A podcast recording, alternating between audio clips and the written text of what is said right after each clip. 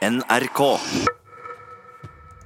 Artisten Anne Grete Preus eh, døde i går etter å ha vært eh, syk en eh, stund. I går kveld var det mange som hylla artisten i både tradisjonelle og i sosiale medier. En av dem er Ole Paus. Han sier artistkollegaen Anne Grete Preus var både sky og fryktløs. Man kan, man kan lett både være sky og fryktløs. Anne Grete var det. Sky og fryktløs. Det sier Ole Paus om Anne Grete Preus. I går kom meldingen om at hun var gått bort etter en tids sykeleie. Hun ble 62 år gammel. Anne Grete Preus står i en særstilling blant norske kvinnelige rockeartister, ifølge Norsk biografisk leksikon. Hun har vært i musikkbransjen i 40 år, og den sangen som har flest avspillinger på Spotify, det er denne. Det snør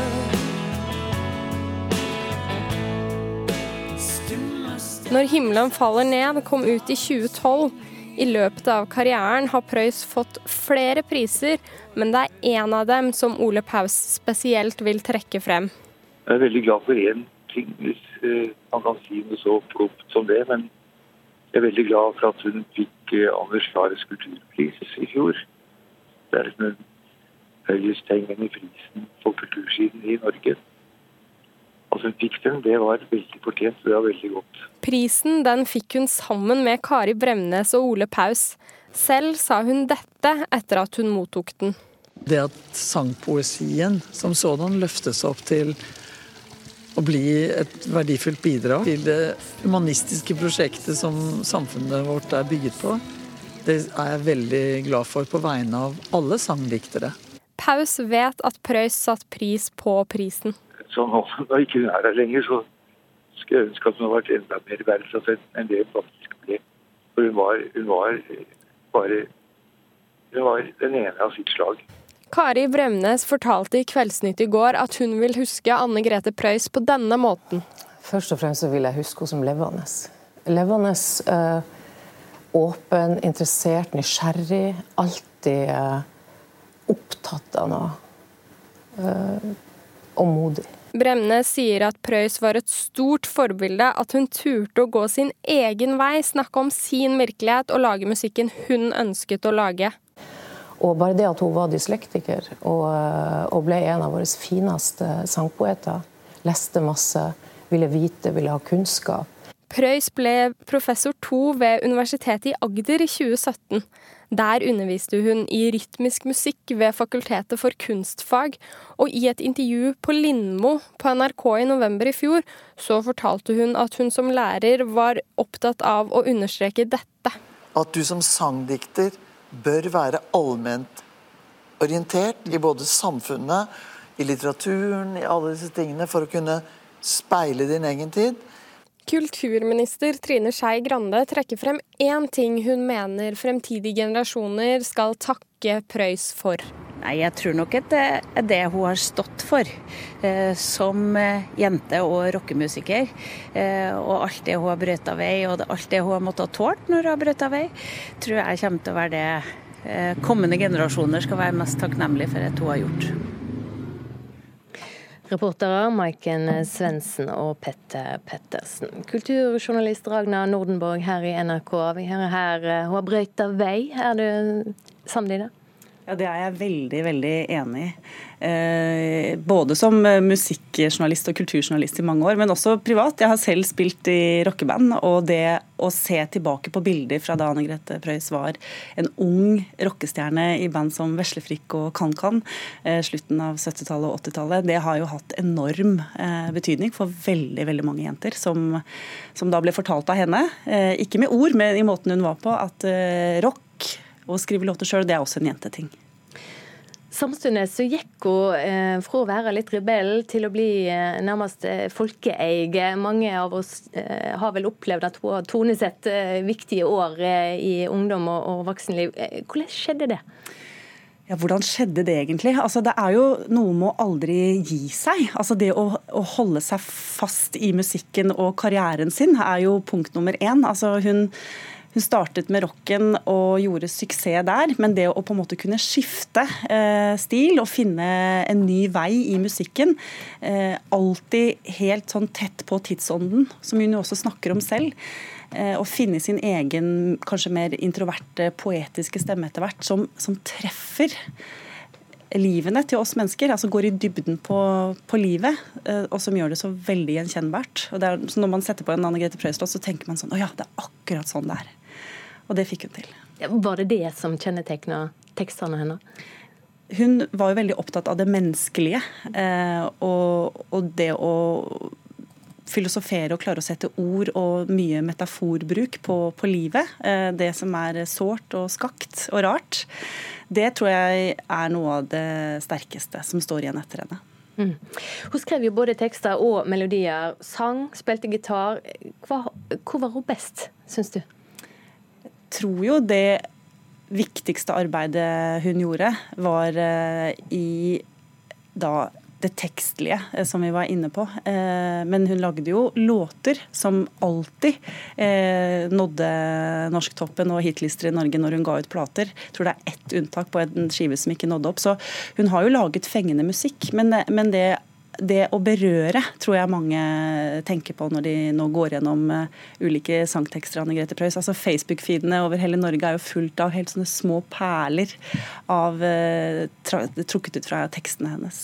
Tror du unge, nye generasjoner kommer til å gjenoppdage Preus når uh, hun, på en måte, vi snakker om henne etter at hun er? Ja, det tror jeg. Eh, fordi en ting er at De siste årene så har hun jo vært en veldig god sånn mainstream-artist, selv om hun aldri var helt mainstream selv, som hun sa. Men jeg ser jo da samarbeid med oss og samtale med Faye Wildhagen, en ny norsk eh, ung artist. Eh, det at hun Eh, blir gjenoppdaget. Og jeg er helt sikker på også nå at når man går tilbake og ser i katalogen hennes og ser hvor enestående pioner hun var, så tror jeg også mange oppdager de tidlige tingene hennes. Takk for at du kom hit til Nyhetsmorgen, kulturjournalist Ragna Nordenborg.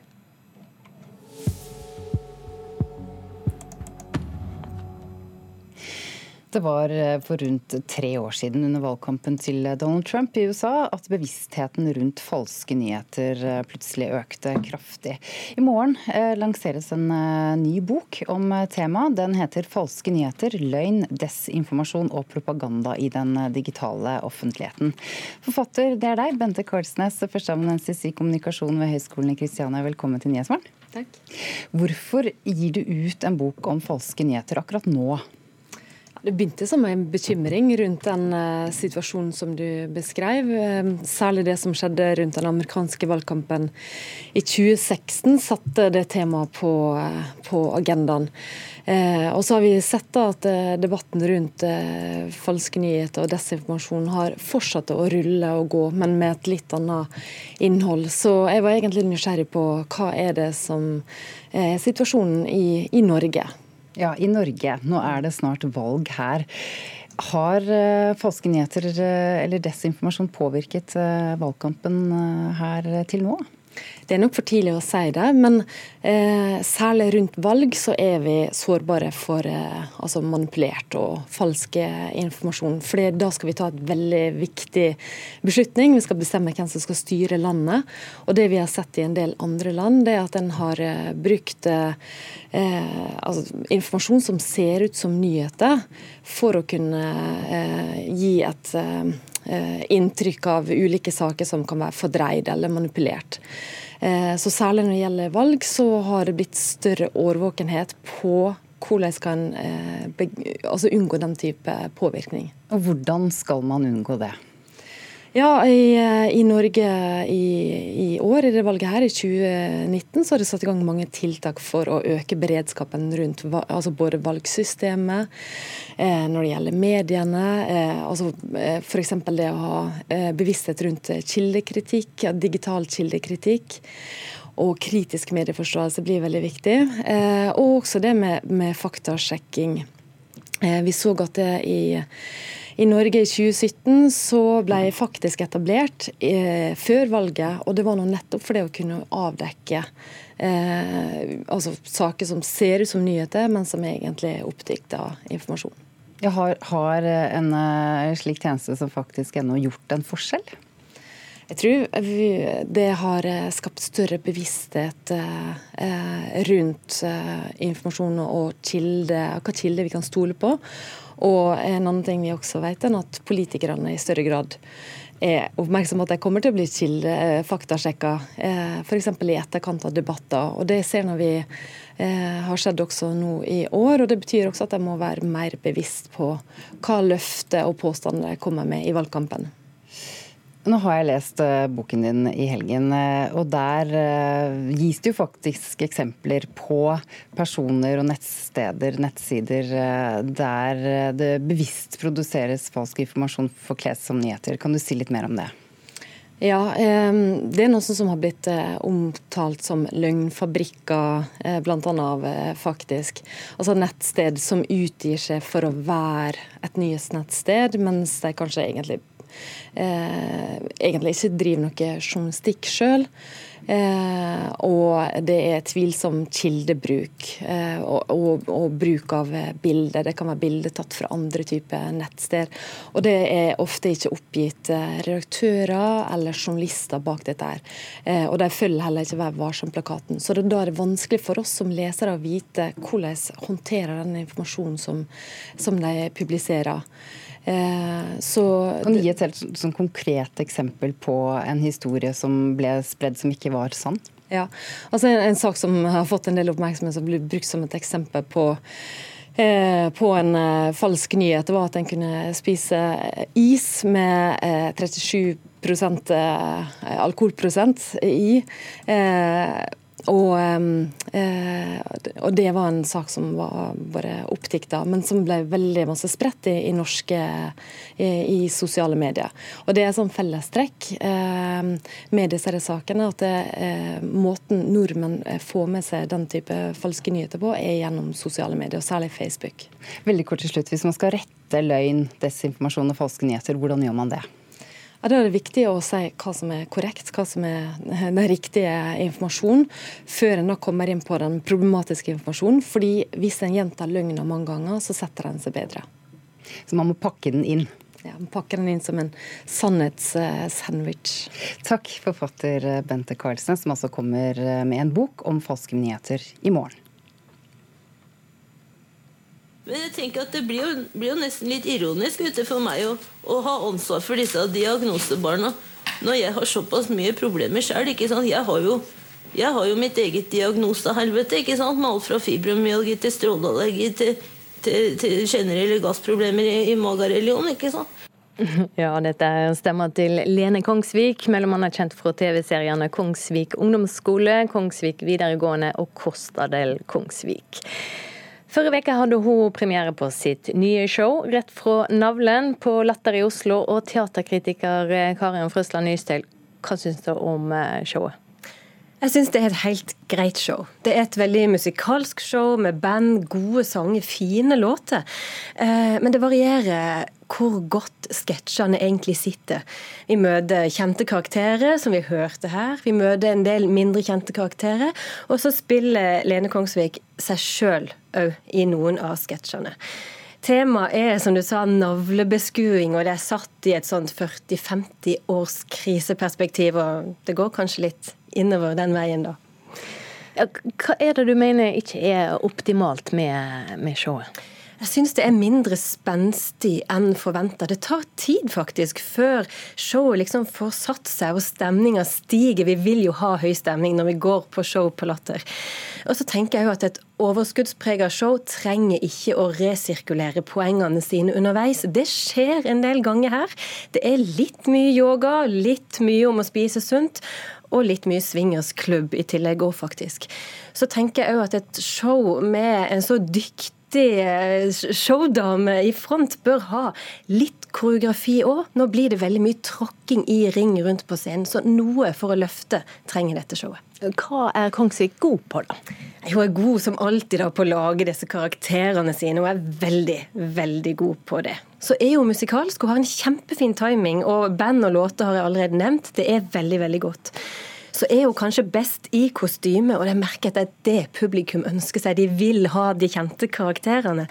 Og så er hun best når hun drar det langt ut og samtidig holder tilbake.